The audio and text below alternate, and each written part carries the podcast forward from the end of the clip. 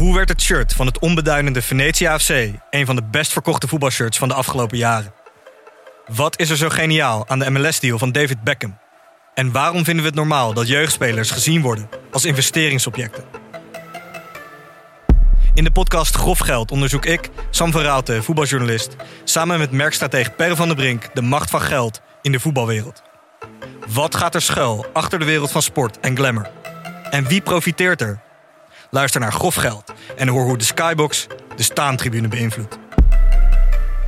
Vind je deze podcast leuk? Beluister dan ook de podcast Goudspraak. Ik ben Minkeboy. Als voormalig tophockeyster weet ik hoe Olympisch goud voelt. In de openhartige podcast Goudspraak praat ik met sporticonen die straks in Parijs voor het hoogste podium gaan. Over de weg naar goud. Beluister nu de podcast Goudspraak. Dit programma wordt mede mogelijk gemaakt door Toto. Ja, hier heb ik over nagedacht, dat snap je. Volledig voorbereid toen Henk gisteren eh, Steven Berghuis zijn vriend noemde op Twitter. Toen dacht ik, oh, dit wordt een zware ochtend. Maar het ergste heb ik nu gehad, toch? And uh, there used to be a ballpark where the field was warm and green. And uh, the people played their crazy game with a joy I'd never seen. And uh, the Goedemorgen, middag, avond. Dit is de Hartgras podcast nummer 106. Aanwezig zijn Wessel Penning, Frans Tomezen en Thomas Heerma van Vos. Het is vandaag de verjaardag niet alleen van Arjen Robben, maar ook van Frans Tomezen. We gaan niet zingen. Heerlijk. Tot zover het goede nieuws. Eh, waar zullen we eens mee beginnen? Met PSV? Nee, nee, Nee. nee. Laten we met het belangrijkste beginnen. Het belangrijkste? Ja. Arsenal, Manchester United? Nee, Nee? nee. Oh. Nee. Nou, zeg het maar. Nou, uitstekende overwinning van NEC. Uitstekend overwinning van Sparta vijfde in de eredivisie. En eh Zesde. zesde. Oh, ik dacht dat ze vijfde punten zijn. van andere Ajax. ploeg Ajax staat staat vijfde, ja. Oh ja, ik dacht dat Dat ze een Ajax, ik dacht dat ze Ajax voorbij waren. Maar dat, eh, misschien gebeurt dat nog. Je weet het niet. Het is een eh, open competitie. Het is spannend. En eh Mats Wiever bleef weer keurig overeind gisteren. Soms een beetje bibberend, denk ik. Laatste kwartier. Of, of nee, een fase tussen de 65ste en 75ste minuut, zoiets. Eh, toen werd het wat druk om hem heen. En, en dan, dat is ook niet makkelijk natuurlijk. Maar ja, het is wel... Wij hebben, wij hebben het eigenlijk al over, Henk, ik heb erover na zitten denken. Sinds april of mei hebben we er al, een keer over geappt. Dat we dat een goede speler vinden. Het ik is heb al- het in, in mei opgeschreven. Deze jongen die is helemaal klaar voor de eredivisie. Ja. Want toen speelde Excelsior nog... eh, Nou, het is altijd mooi als rasvoetballers boven komen drijven en goed blijken te zijn. En dan Ja. droom ik er altijd van dat er ergens nog in een hoofdklasse of in een topklasse ook dat soort spelers nog lopen. En dat moet haast wel, die gewoon zo goed kunnen voetballen, zo'n goed inzicht hebben en, en, en persoonlijkheid en, en, en weinig faalangst hebben en zo. Ja, de, de droom blijft. Als Mats Wiever eh, ja, in de klassieker overeind kan blijven. Prachtig. tegen Steven, Steven Berghuis. Ja. Nou ja, eh, is er nog een olifant in de kamer?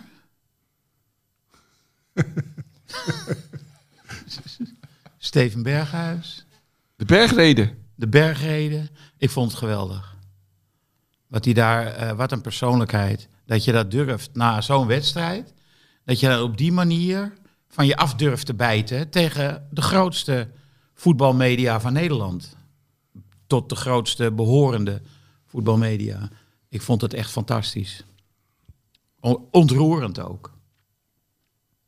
Je bent niet meer mee eens, hè? Mm, Ja, nou, wat hij zegt, ben ik natuurlijk wel, wel vo- volledig mee eens. Ehm, het, gaat eigenlijk, denk ik, vooral om social media op dit moment. En, en de, de, de gevoelens die, die nu door het land gaan, in allerlei opzichten, niet- ja, op, het gebied van bedreigingen natuurlijk, maar ook op het gebied van, van racisme en wat dan ook in de samen, die zijn er natuurlijk altijd geweest. Alleen diegene die. Iedereen heeft nu een podium natuurlijk. Vaak zie je een, eh, een walgelijk bericht van iemand dat dan, dat dan uitgebreid ge, geretweet wordt. En dan kijk je hoeveel volgers diegene heeft. Die heeft er zes. Kijk, dat soort mensen stonden vroeger bij onze voetbalclubs aan de bar in de kantine Ja. hun onzin te spuien. En nu, nou, Wessel, nu romantiseer je het. Want ze staan ook in je achtertuin en ze tikken je ruiten in. En ze ja. gooien eh, halve bommen bij je binnen. Dus Ja. het is niet zo onschuldig is het ook allemaal. Nee, nee, nee, nee. Maar alleen de klacht van, van, van, van Berghuis over, over wat er dan deze week, om nou naar media te wijzen, ja, naar een domme opmerking van ehm, van, van, de. Gijp. Of een, of een, of een, ja, een misschien wat ongelukkige foto bij verder genuanceerd artikel aan het AD. Ik zit hier niet om het AD te ver- verdedigen, ik ben helemaal niet verantwoordelijk voor wat daar gebeurd is. En ik weet ook niet wat de hoofdredacteur gisteren bij eh Renze Klamer erover heeft gezegd. Ja, die foto was misschien ja, achteraf een beetje ongepast. Ja, maar dat is toch ook nou typisch was. Feyenoord eh, journalistiek, zou ik maar zeggen. Omdat dat Berghuis bij Ajax speelt zo uit te vergroten. dat vind ik een eh, vri- vrij infantiele vorm van journalistiek, eerlijk gezegd. In Amsterdam doe je toch ook niet, god die Danilo en weet ik wat, overloper. Dat is toch heel raar. Het is toch een vrij achtelijke opvatting om drie, als iemand al drie jaar bij een andere club speelt, dan zo'n heisa te maken over eh Ja, maar, maar vind je dat media nou zo'n heisa hebben gemaakt van dat Ja, Berghuis... de afgelopen week toch wel. Het ging, ging bijna nergens anders over. Het was, het was permanent en het was ook inderdaad op, op Twitter en eh, op Instagram en noem het allemaal maar op. Het was niet alleen in de kranten, maar Nou, niet alleen Ik- in de kranten, maar kom dan eens met andere voorbeelden. ja, die heb ik nu niet paraat. Maar, Nee, nee, het- maar- nee, alles maar dat wat ik erover dus. las. Nee, maar luister, En hoorde- luister. Ik, ik, werd Ja, die Berghuis zelf heeft de voorbeelden genoemd. Jinek, Van der Gijp, AD. Ja, nou goed. Ik, ik, het is misschien een beetje ongepast allemaal en ongemakkelijk allemaal, maar het is en van alle tijden. En ik blijf zeggen, het AD heeft gewoon heel genuanceerd over een prachtige wedstrijd die eraan komt, waar, waar, waar kantjes aan zitten, waardoor we allemaal extra interesse hadden. Maar niet opgeroepen tot geweld. Kijk, het probleem was, op de, in, die, in die bewuste ehm, krant stond een interview met John de Wolf en ehm, directeur van Feyenoord.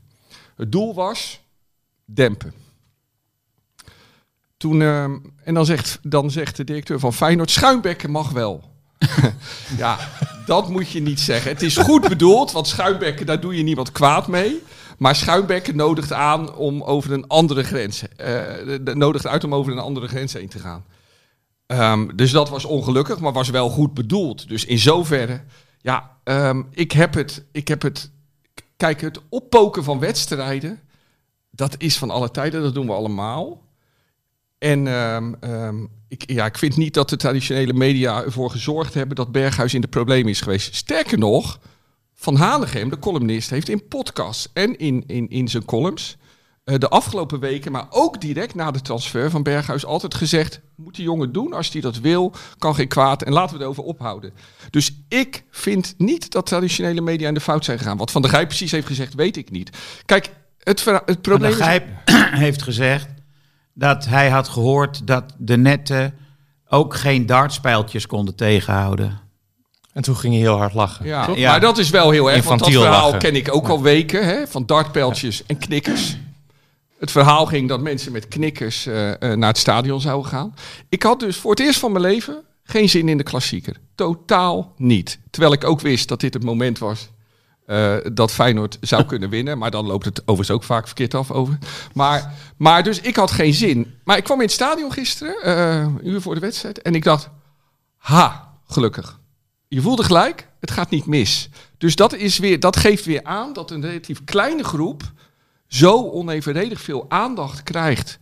ehm, ehm, waardoor eh, je een verkeerd beeld krijgt van de situatie. En, eh, En van wie krijgen ze dan die aandacht? ja, ik denk toch, ik vind gewoon sociale media het probleem op dit moment. En ik vind echt niet dat je traditionele media het kan verwijten. Bovendien, hè, Nee, maar ik heb eh, bijvoorbeeld in de Volkskrant op zaterdag stonden twee artikelen. Eh, het ene artikel van Bart Vlietstra, het gaat maar om een kleine groep. En eh, de column van Paul Onkenhout, ja, het gaat maar om een kleine groep. Maar eh, Michel van Egmond heeft hier bijvoorbeeld in de podcast gezegd... soms zitten ze met, inderdaad met 20.000 man te zingen... Hamas, Hamas, Joden aan het gas. Dat is niet een kleine groep. Hij, en hij voegde eraan toe... en daar zit dan eh, Abu Taleb bij in het stadion. ja, Maar, maar ja. gisteren heb ik dat eigenlijk nauwelijks gehoord hoor. Dus Ja, dat drie viel me keer wel. of zo, maar wacht even, dat zit ik hier niet te verdedigen. Ik Viel bedoel alleen op. maar de kleine groep. Ik was werkelijk bang dat er Ajax-spelers iets aan zou worden gedaan. En ik heb een beetje hoop nu sinds gisteren dat die groep echt zo klein is. Want dat schaadt je club. hè, Dat ze er- allemaal in de bak zitten op dit moment. Nee, nee, maar dat was natuurlijk wel een geweldig signaal. Ja. Dat, dat er op die dag. En, eh, de- dus, maar ja, god, ik zit hier even in de verdediging. Zeg. Wat gaan we nou krijgen? Maar dan, ga, dan, nee, maar dan moeten jullie me nu de tijd geven om ook even terug te plagen. Hè? Maar ik, vind het denk, schitterend. maar ik denk dat eh, Thomas en Frans er nog wel wat over te vertellen Ja, hebben. ja, maar en wacht dan, even. En dan, en dan Dan jij. Oké, met het laatste woord. Goed zo. Ja. Nou, ik wil in ieder geval zeggen wat jij ook zei. Ik vond dat interview ook echt prachtig. En dat had ook heel erg te maken, niet alleen met, met, met wat hij zei, want daar hebben we het nu natuurlijk over, maar ook de manier waarop na die wedstrijd, hoe kalm en hoe eh, nou ja, eloquent. Het waren, het waren, goede, eh, steekhoudende eh, volzinnen. Duidelijk niet gescript, duidelijk niet ingefluisterd. Ja, ik vond dat eigenlijk, ik vond het ook wel ontroerend hoe hij daar stond. En het was ook meteen wel zijn beste daad van de hele, van de hele dag. Dat wel. Want we hebben het over het voetbal nog Smiddags niet gehad. stond hij tegenover Wiever. Ja, en dat was, eh, ja, daar, daar komen we zo denk ik nog echt op, op die wedstrijd. Maar poeh, was soms echt wel afzien, eh, zeker eh, voor mij als eh, Ajax-liefhebber. Maar ik vond dat interview, ja, ik, ik vond het echt wel, echt wel aangrijpend.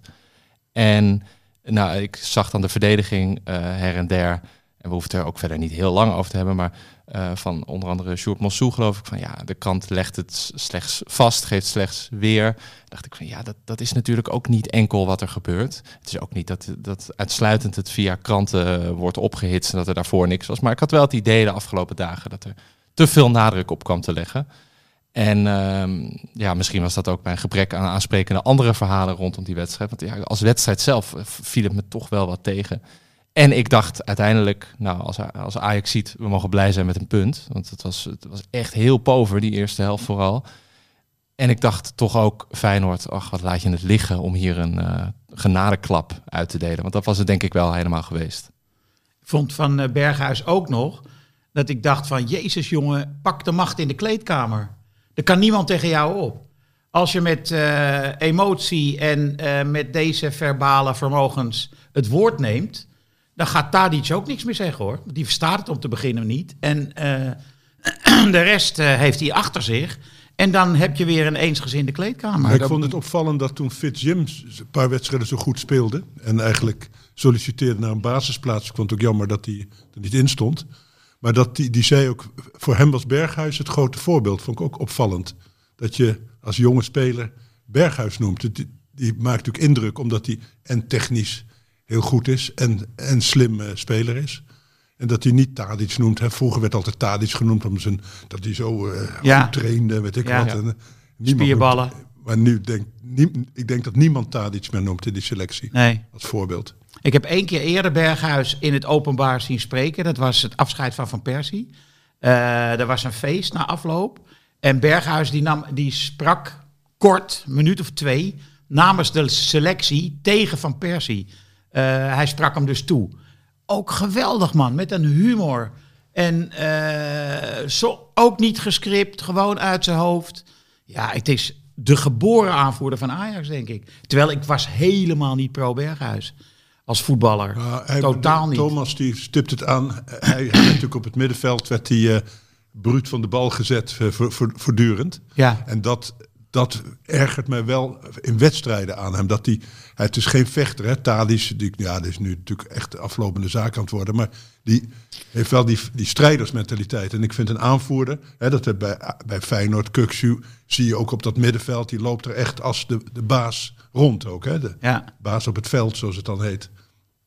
En dat eh, moet je ook als aanvoerder hebben. Ja, dat, eh, dat is hij een niet. beetje aan het kwijtraken. Maar ja, ze zouden dus voor hem de best, allerbeste positie moeten eh, zien te creëren. Ik zou nu niet weten welke dat eh, moest zijn. Maar als persoon is het, zou het een belangrijke factor bij Ajax kunnen worden. Ja. Vergeet wel. niet, hè, kijk, het is natuurlijk altijd heerlijk om zo'n welbespraakte voetballer ehm, te, te kunnen aanhoren. En het is ook een heel mooie voetballer natuurlijk. Ik heb altijd van hem genoten overigens. En ik vind het ook heel erg hè, wat zijn familie overkomt. En praat dat ook, ehm keur je dat heel erg af. Maar de vraag is of hij nou opeens goed genoeg is om aanvoerder van Ajax te worden. Dat vind ik wel weer heel erg eh, de wankelende Amsterdamse leeuw die, die, die, die, die ergens lichtpunten Wij moeten, wij moeten iets. Ja, De Amsterdammer moet wat. Zijn wanhopig. maar hij is natuurlijk, hij was wel drie jaar geleden nog de speler die, die uit het niets een tegenstander een doodschop kon geven. Hè? Dat Ja, was het ja. probleem op. Ja. Ik vind het heel erg dat hij bij Feyenoord nooit op het middenveld is gezet. Dat vind ik heel erg, want ik vond hem een voorspelbare rechtsbuiten. Maar wel de allerbeste speler die Feyenoord jarenlang had. En een hele leuke aanvoerder en een leuke gast. En ik vond het dus, deed dus heel erg pijn. Want ik vind ook dat je ehm, de, ja, laten we het be- laatste beetje romantiek in het voetbal. Dat sommige spelers bij een club horen en dus niet naar een andere club gaan. Zoals Cruijff nooit naar Feyenoord had moeten gaan. Ehm, Wim Jansen nooit naar Ajax. Nee, dat vind ik wat anders. Met een tussenstap dan kan het. En, als je, en ik vond ook het verschil met Cruijff was anders. Cruijff werd weggepest in Amsterdam. Nou, hij bepaalt niet in Rotterdam. Dus alle aversie en irritatie als voetballiefhebber ben ik ook heel erg teleurgesteld in wat hij gedaan heeft. Maar dit verdient hij niet. Maar ik mag straks nog een ander weerwoord. Hè? Ga je gang. Oh, maar, maar Frans moest me nog onder handen nemen. Nee, maar dat doe ik niet. Ik vind, eh, dat doe je zelf wel goed genoeg.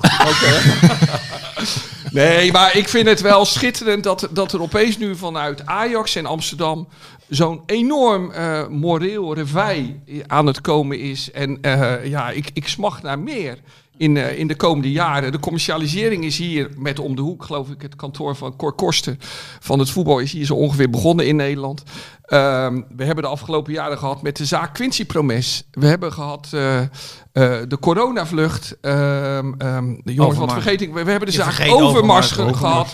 Ja, de trainen nu- in Qatar, geloof ik, trainingskamp. Juist dat. En, en toen was het over het algemeen vrij stil. Nu staat Ajax, is Ajax in de problemen en hebben hele nare, boosaardige Rotterdammers een prachtige voetballer bedreigd. Ja, en de held van de dag eh, was gisteren. En als ik niet oppas vandaag, dan wordt hij ook de koning van, de, van dit weekend. Daar ben ik ook nog bang voor. Ja, en nu... nu, nu Je is bedoelt op- Berghuis? Ja, ja, Ja. daar ben ik bang voor. Die wou ik wel voorstellen. Ja. Ehm, maar, ja, maar jongens, ik, eh, ik kijk uit naar hoe hier vanuit Amsterdam binnenkort eh, de verschrikkelijke voetbaljungle gaat veranderen. En, de, en daarna de samenleving. Dus, ja, hier heb ik over nagedacht, dat snap je. Volledig voorbereid toen Henk gisteren eh, Steven Berghuis zijn vriend noemde op Twitter. Toen dacht ik, oh, dit wordt een zware ochtend. Maar het ergste heb ik nu gehad, toch? Ja. Maar Wessel, moet ik dan concluderen dat je blij bent met een gelijkspel tegen zo'n waggelende Nee, nee ik, ben, ik ben echt heel erg teleurgesteld. Ja, ik ben echt heel erg teleurgesteld. Want ehm, ehm, ja, dit was het moment. Ik, ik bedoel, Feyenoord heeft weinig kansen gehad, maar kwam... Ja, zette Ajax 65 minuten zo geweldig vast, vond ik. En Ja. dat verrast me. En, ehm, en ook, ik denk dat ik zit te rekenen. Ik denk dat ik mijn leven 30 klassiekers in de Kuip heb gezien. En ik denk dat in 28 van die eh, klassiekers eh, Ajax altijd makkelijk aan de bal was. Altijd el- Kijk, je kan op tv van alles zien. Maar in het stadion zie je echt wie goed kunnen voetballen. En dan viel Ajax altijd op van, oh, wat is die makkelijk in zijn balaanname. Oh, wat voetbalt dat makkelijk en wat gaat dat losjes. En als je even iets fout doet, dan straffen ze het af, want ze kunnen zo goed voetballen. Maar wat ik gisteren zag, zeg, die stroperige bende van een elftal dat, dat, dat in stukken uit elkaar valt. Een oude man als rechtsbuiten die door een, ja, een jonge linksback van 21 volledig wordt over, overtroefd. Ik heb het over Tadic. Ik begrijp, er, ik begrijp echt niet wat er hier bij Ajax aan de hand is. Nee. Jullie ook ik denk hè? dat er meer zijn. Ja. Altijd zag je een vleugje voetbal. Altijd zag je opeens wat klasse. Ik zie het gisteren aan de aannames van Kudus. Van Kudus. En, en, maar verder? Ja, kijk, ik denk dat. eh, eh, ja, eh, de, eh, de tijd voor medelijden met Schreuder is kennelijk aangebroken. Ik las een column van Willem Vissers vanmorgen. Ja, hoe deze dappere eenling zich staande weet te houden, et cetera. Maar hij kan het gewoon niet. En dat eh, zie je aan de beginopstelling. En wat er gebeurt als hij de spelers inbrengt. Die diepgang brengen bij Ajax. Eh, Bergwijn en Brobby. Opeens was Feyenoord weg. Ik bedoel, eh, Ajax weliswaar met lange ballen. Want het middenveld, daar konden ze niet terecht wegens eh Kukçu en Wiever. Dus er komen lange ballen. Maar dan opeens kunnen die aanvallers die verdedigers eruit lopen. En passeren en technisch domineren. Dus Dus goed gewisseld door Schreuder. er is uitstekend gewisseld door Schreuder. Maar dat had hij Nou, dus... had er nog een paar mogen wisselen. Je noemt Tadic, Taylor. Ik weet niet. En ik, nou ja, die, die Sanchez, zo dat- slecht. die Sanchez kan helemaal niet voetballen. Dus Oh, nee. dat, dat, maar dat was de aller, aller, aller feit dat je drie of vier- Dat was echt niet met je normaal. drie of vier van die zulke slechte voetballers hebt u die echt geen bal raken. Ja. Dan kan je nooit winnen. Dan win je nog ineens inderdaad van nek of weet ik wat. Nee. Jij zei vorige week, Frans, jij zei "Ah, Ajax moet gaan voetballen zoals Feyenoord vroeger. Maar dat, dat, Ja. dat, dat- nu overdrijven ze het daarin hoor. Met zo'n Nee, voetbal Sanchez. helemaal niet als Feyenoord dat ze vechten om geen enkele meter. Nee, Misschien die Sanchez, maar ja, die vliegt er als een eh, debiel in. En, eh, hè, die, die, die kan Die gewoon mist, niet, die de- kan niet die- voetballen. Nee. En die kan ook niet verdedigen. Het is een raadsel. Ja. Hoe is die bij Ajax beland? Ja. Met welk idee? En, en, iemand en- verdient daaraan. Ja, Dat moet het zijn. En het 5 miljoen kostte die geloof ik nog. Eh, en het, het rare is natuurlijk nog, je kan een keer een slechte speler of een speler kopen van 5 miljoen die niet goed blijkt. Maar hij staat er steeds maar in. Alsof Schreuder dan hoopt, als ik hem maar genoeg minuten geef, dan wordt het misschien nog wel wat. Maar het is helemaal niks. Hij stond gisteren ook weer 90 minuten. En je hebt echt wel wat jeugdspelers waarvan ik me niet kan voorstellen dat die slechter zijn. Ja, Ja. Dit is het jaar als je zo normaal. slecht speelt. Volgens de Ajax-traditie had je dit helemaal moeten vollopen met eh, jong Ajax. En dan is het ook veel minder Ja. erg als je verliest. Het is veel erger om te verliezen. En dan denk je, ik heb 27 of 23 miljoen voor die Bessie betaald en zo. Hè, er wordt een soort berekening steeds gemaakt. Die moeten erin, want anders is het kapitaalverlies. Nee, en het is, ik, eh, Schreuder die eh, maakt, ik ken hem niet persoonlijk, maar maakt karakterologisch enigszins de indruk dat eh, hoe meer mensen tegen bepaalde spelers zijn, des te langer houdt hij ze de hand boven het hoofd.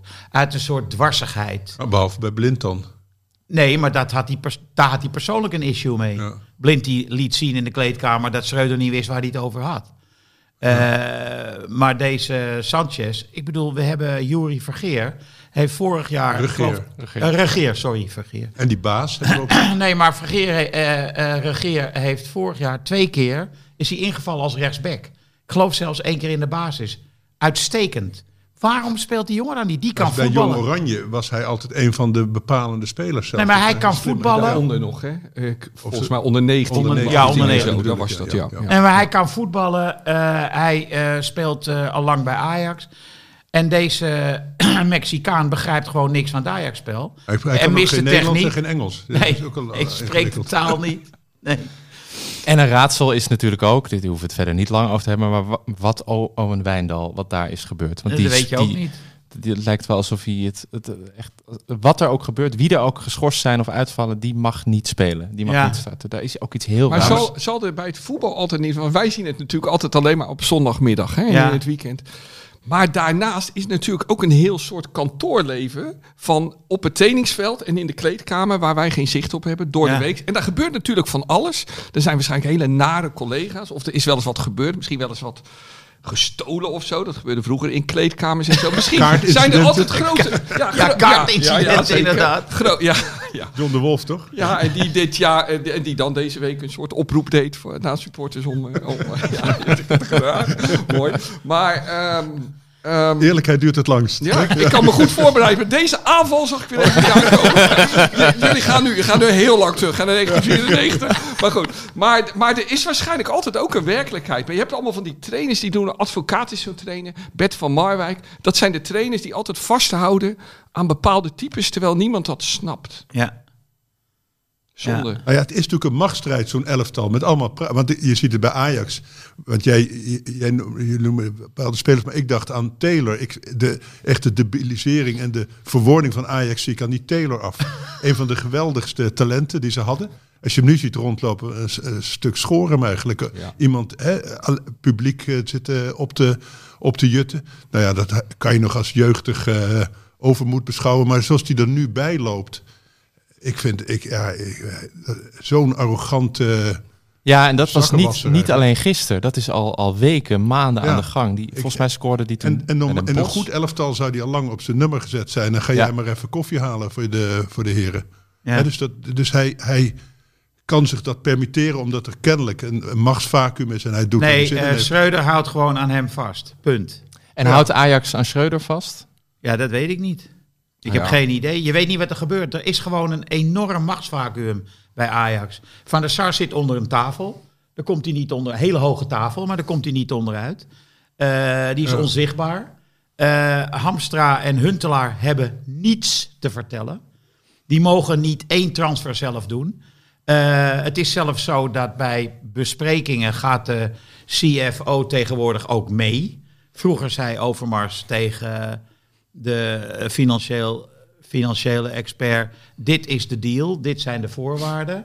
En ehm, dan zei die man ja of nee, en dat was het. Eh, mevrouw, deze mevrouw Lendering, die gaat gewoon ook mee naar transferbesprekingen. Die komt van de Bijenkorf vandaan. Dat, dat, hoe, hoe kan dat?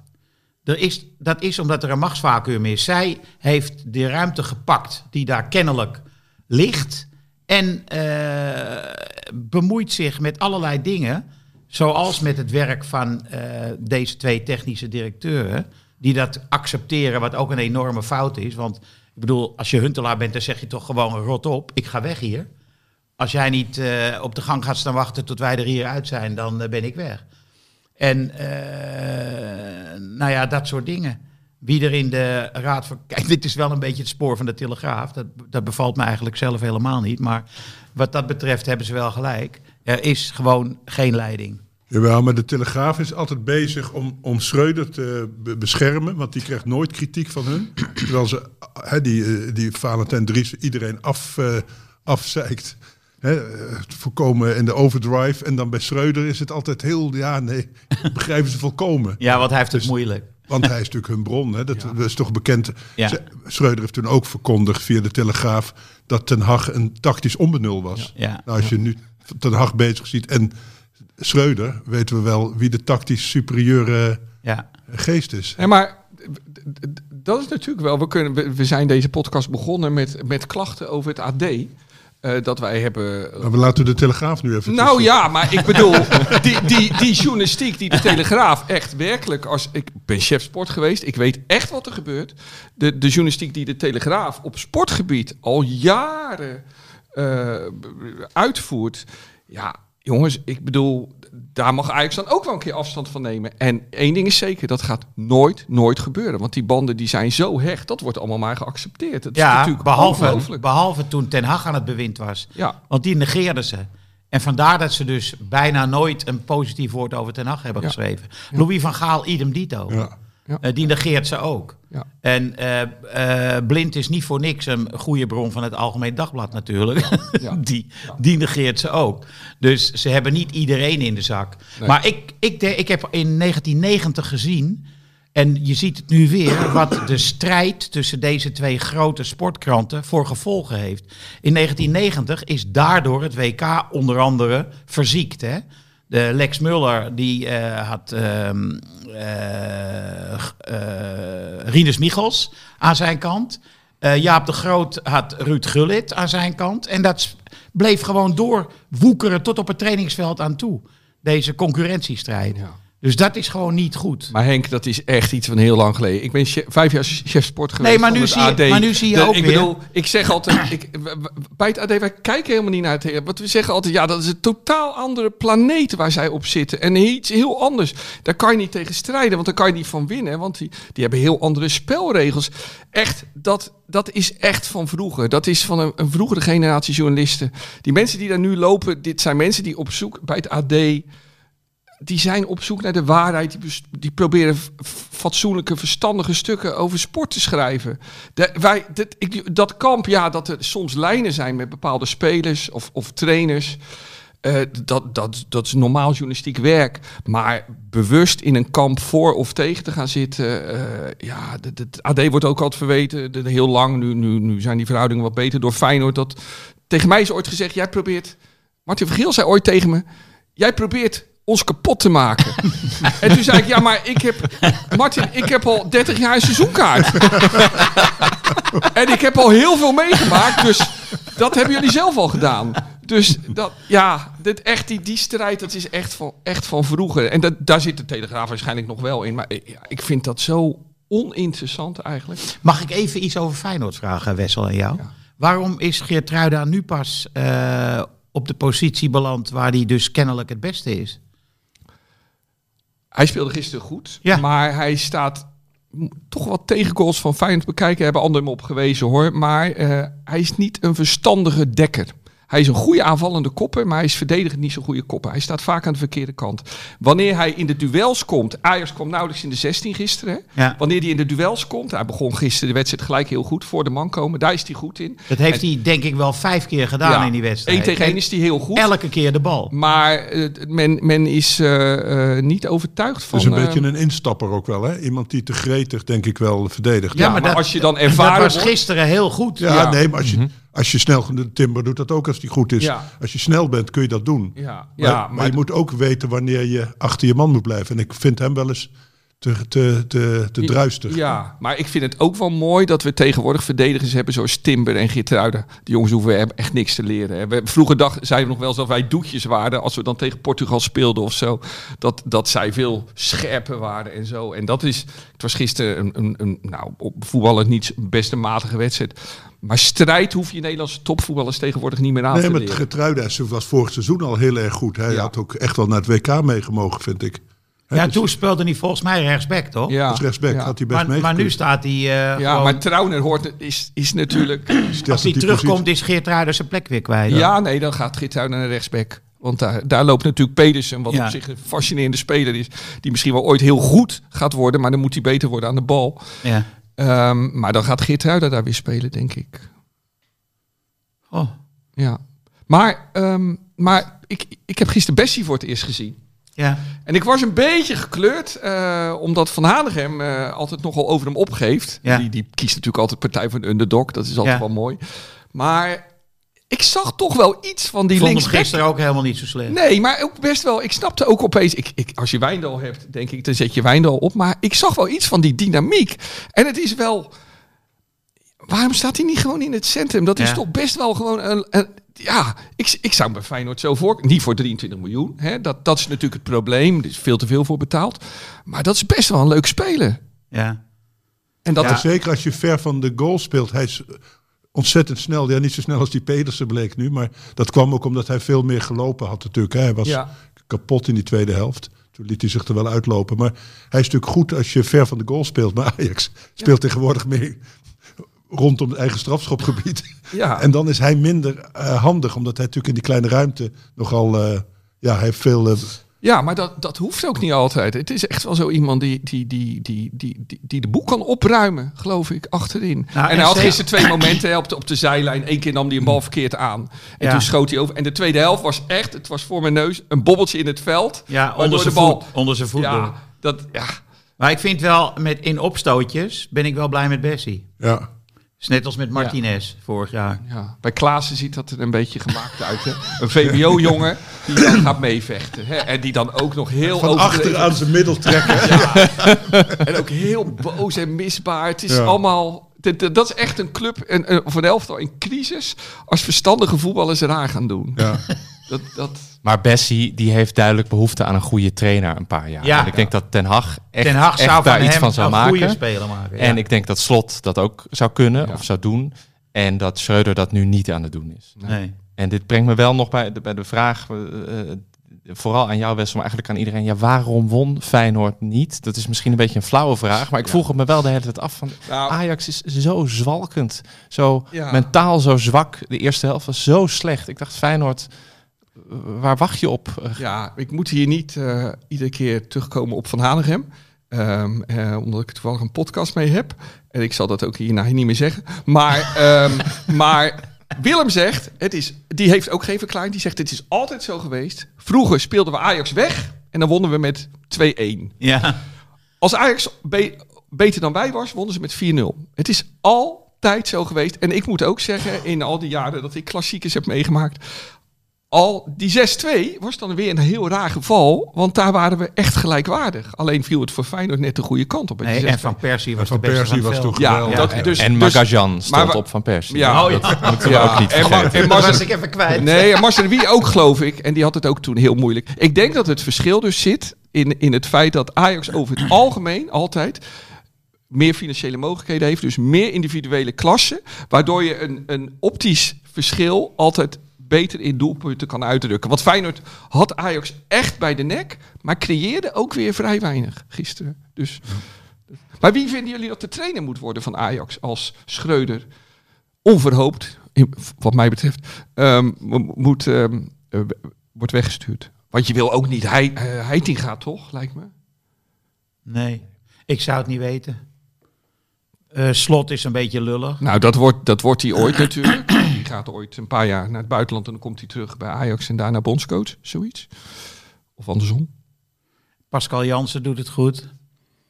Maar of die nou bij Ajax overeind kan blijven in dit eh machtsvacuum, dat is ook maar zeer de vraag. Dan heb je Ron Jans. Oké, die is eh, na het pensioen. Maar goed. Ja, eh, Tja, dat is wat zeg. het is heel moeilijk. Ja, Slot is de droomkandidaat. Ja. En dat kan nu niet. Nee. Dat is heel duidelijk.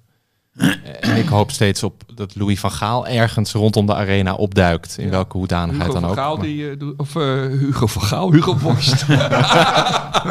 die doet vandaag een oproep in het AD dat eh, Van Gaal nu moet opstaan.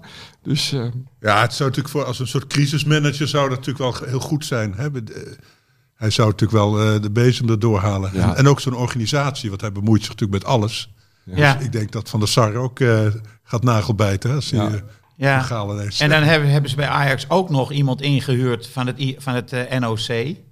ja, Een hockey, een hockey. Nou ja, ik wil, Over die vreselijke man, dat is ik toch wil die, niet eh, eh, Johan Derksen hier gaan imiteren met uh, Jan B-sport, maar nee, maar dat is die vreselijke man toch van die, die, die chef de of was dat die, ja, die de losersvlucht. De, de losersvlucht, Ja, ja, ja.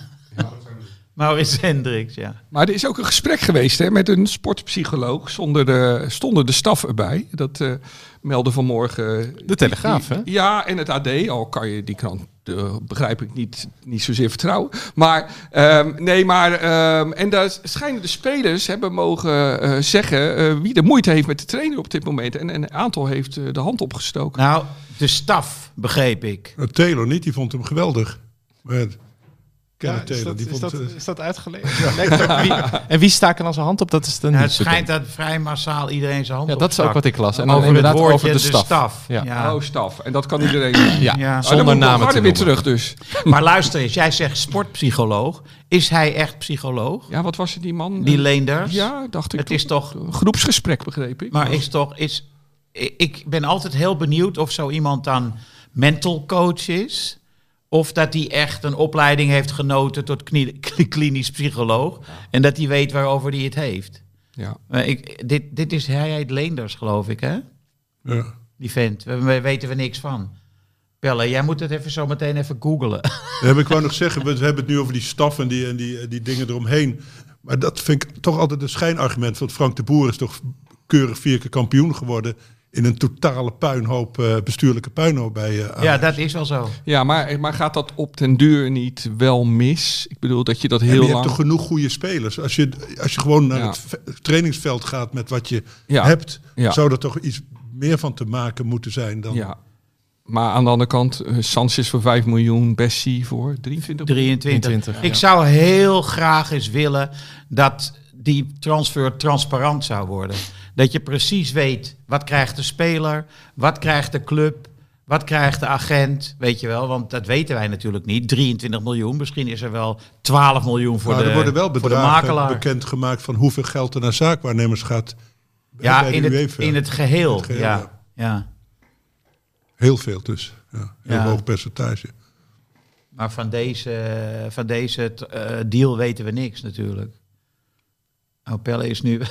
Nee, maar trouwens, die, wat jullie zeggen, die, dat is ook een beetje onzin. Wat Van Basten heeft, die, die spits toen van Heerenveen. Ik ben zijn naam. Soleimani. Soleimani. Ja. Dat was de, toen de miskoop aller tijden van Ajax. Maar daar kun je toch niet het hele slechte voetbal op afgeven. Dat je één miskoop hebt. Dat, Nee. Nee, maakt dat is nou zo. uit, zeg, Hoeveel geld eh, heeft die club wel niet? Nee, maar het geeft wel te denken dat, wat jullie hadden het over die eh Jury Regeer. Ehm, dit, dit is van de generatie Taylor. Hè? Samen Ja. werden ze geloof ik Europees kampioen. Eh, Ja. Een hele goede generatie. En ehm, die jongen die zat drie jaar geleden al tegen het eerste aan. En dat blijft dan hangen. En dus, Ja. dus dan vraag je af, is die jeugdopleiding wel zo op orde als die inmiddels leek? Of... eh, ehm, Ja, maar je weet ook nooit eh, waarom trainers de een wel laten doorschuiven en Ja. de ander niet. ja, Want Fitz Jim had volgens mij zijn basisplaats verdiend. ja.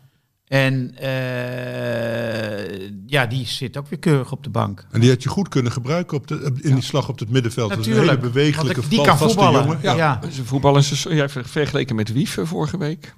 Ja, ja het hetzelfde, dezelfde positie. Ja, Ja, ja. ja, En- Rust aan de bal. Ja, en toen eh, dacht ik van kijken wat er gebeurt als Quinten Timber weer eh, heel is. Ja. Of dan Wiever wordt geslachtofferd. Ja. Maar gisteren stonden ze allebei in het veld. Ja, en ik wilde weer Van Aanigem noemen. Maar die zei, eh eh, Wiever moet er niet meer uit. Nee. Quinten Timber moet op 10. En dan moet eh Simanski eh eruit. Eruit. Ja. Want Quinten Timber die is geblesseerd geweest. En die viel een kwartiertje in. En die viel voortreffelijk in. Ja. En ik denk ook dat hij ook gewoon weet hoe hij tegen Ajax moet spelen. En dat hij Ja. dat gewoon heel... Je zag heel veel speelplezier aan die jongen. En toen dacht ik...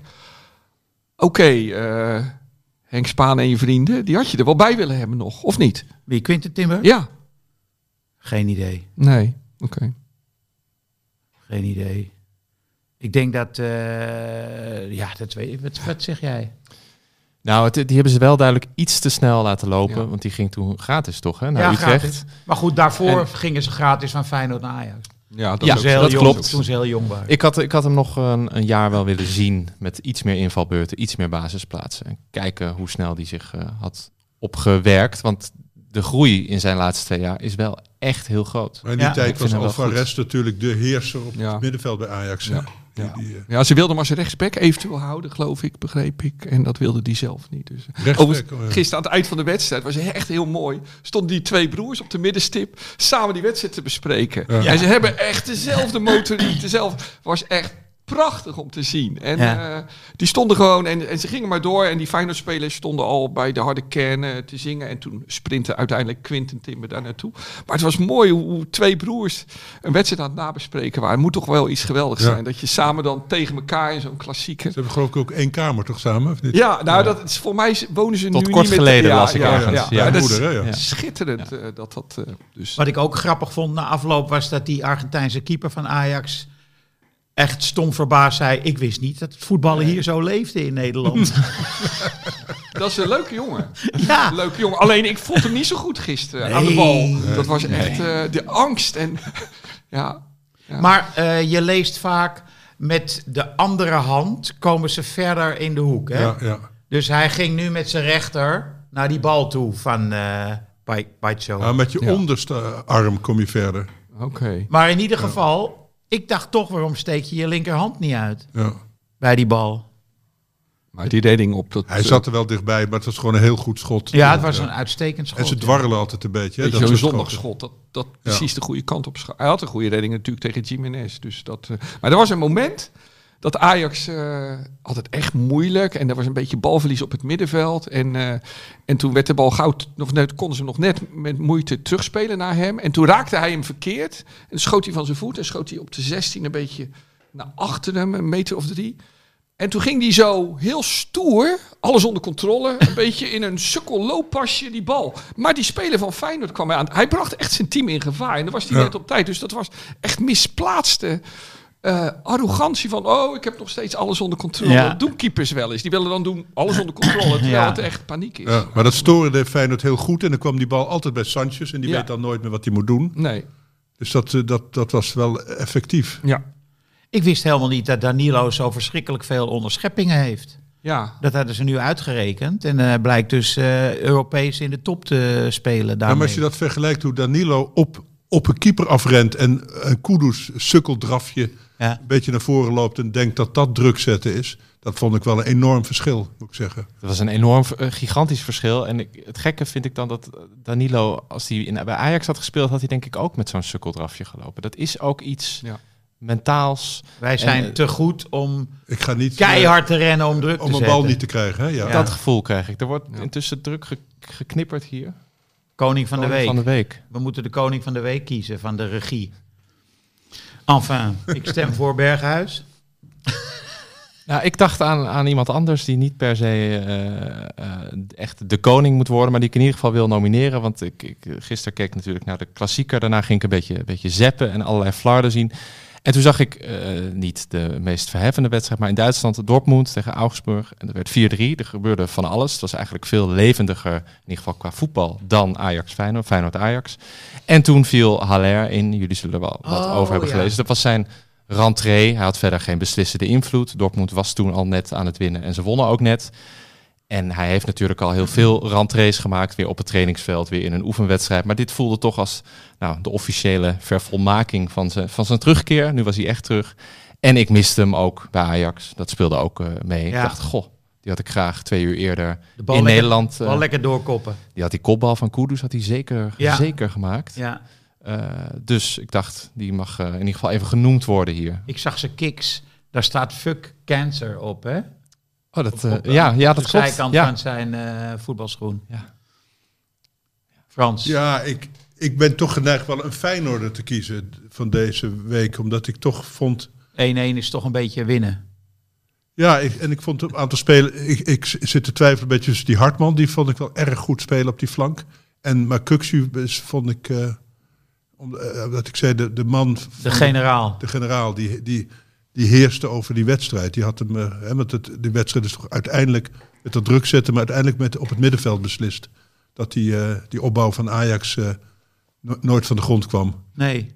En ze lange ballen moest spelen. Dat, en ik kan, jij hebt hè, in het Als je slim gezeten. bent, Wessel, dan steun jij deze motie. Want dan... Eh, maar- huh? ik, ehm, ik tel natuurlijk mijn zegeningen. ja. Nee, maar, jij, nee, maar, je- nee, maar in, de sta, nee, maar in het stadion zie je het beter. Hè? Wat een speler ook doet, zou ik maar zeggen, een beetje het... eh, Nou, ik, ik vind, ik vind, eh, ik vind het eh, ook over Kukzu ben ik al een jaar of drie met Henk in discussie. En Henk eh, die heeft het gevoel dat hij hem aan het winnen is. En daar heeft hij denk ik wel een beetje gelijk in. Ehm, dus ik, eh, ehm, ik denk dat ik nu gewoon heel constructief als een, eh, al- als een eh, CDA-politicus heel slim moet zeggen... Kukzu, uitstekend idee. En, Ja. en dan ook nog zeggen dat mijn politieke tegenstander Henk Spaan het altijd al gezegd heeft. dus eh, ik, ga, ik keer straks terug, eh, eh, opgewekt terug uit dit hol van de wankelende leeuw. En, met, de, met de koning van de week op zak. en ja. dat dat niet Berghuis is geworden. Ja, ja. dat vooral. hey, maar even serieus. Ik hoop dat alles in het leven heel goed blijft gaan met Berghuis en zijn familie natuurlijk. En nou, met zijn carrière, dat krijg ik net mijn mond niet uit. Want hij had het nooit moeten doen. Hij had het wel mogen doen, maar hij had het niet moeten doen. Wij vier aan tafel hadden het niet gedaan.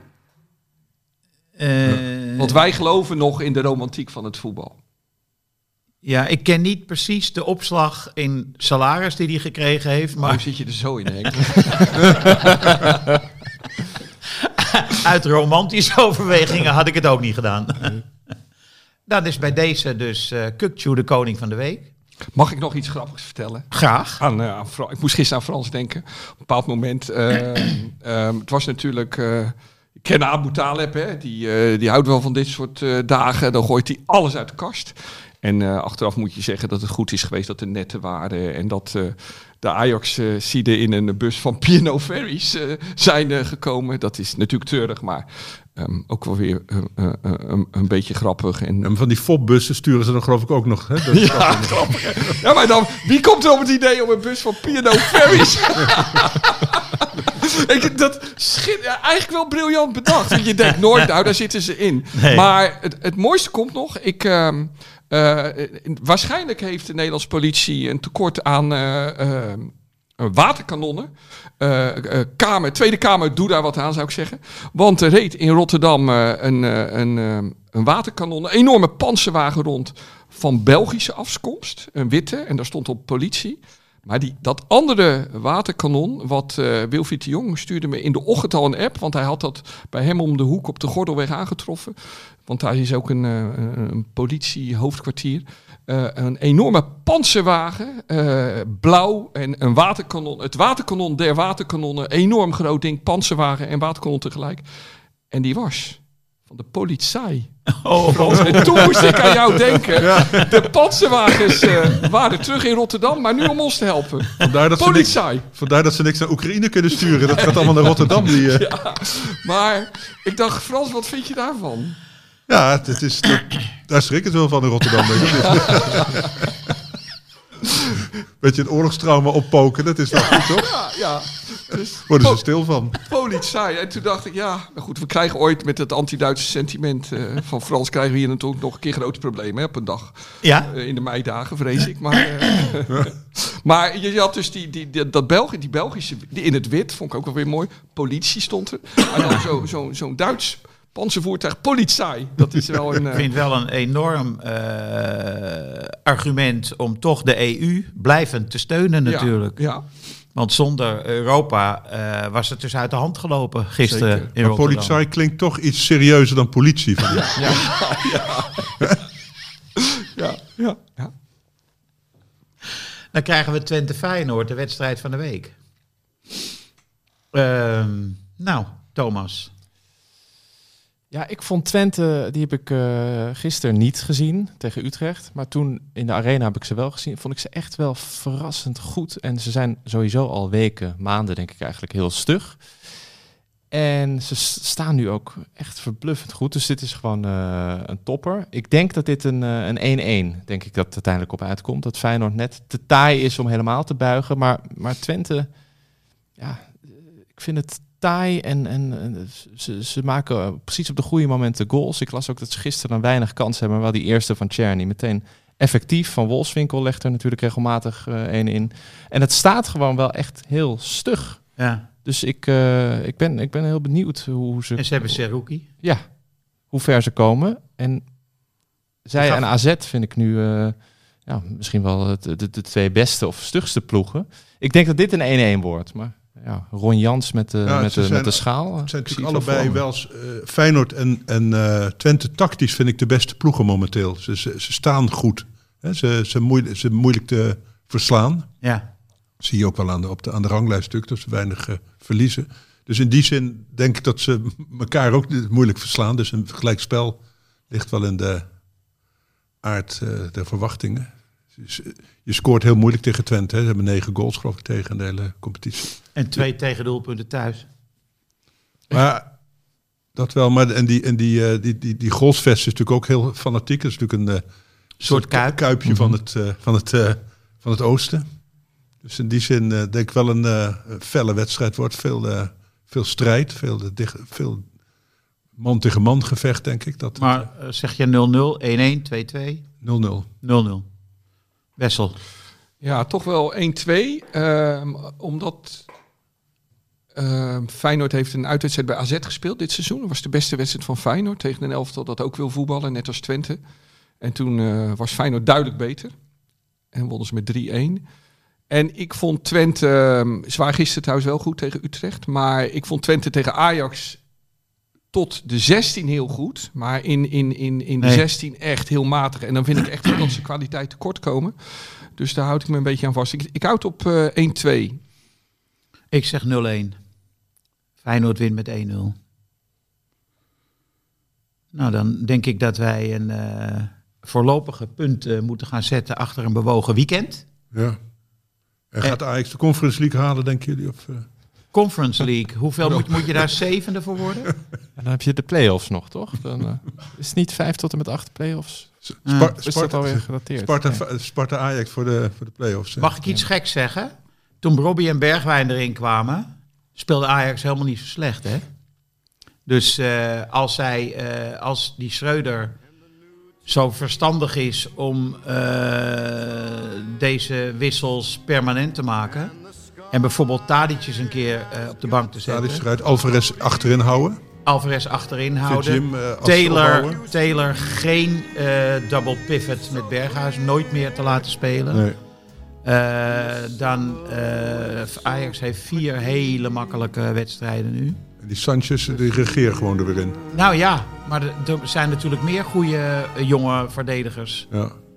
Enfin, ik bedoel, ik wil niet helemaal in mineur voor eh, Amsterdam dan eindigen. En verder denk ik dus inderdaad dat Feyenoord met 1-0 van Twente wint.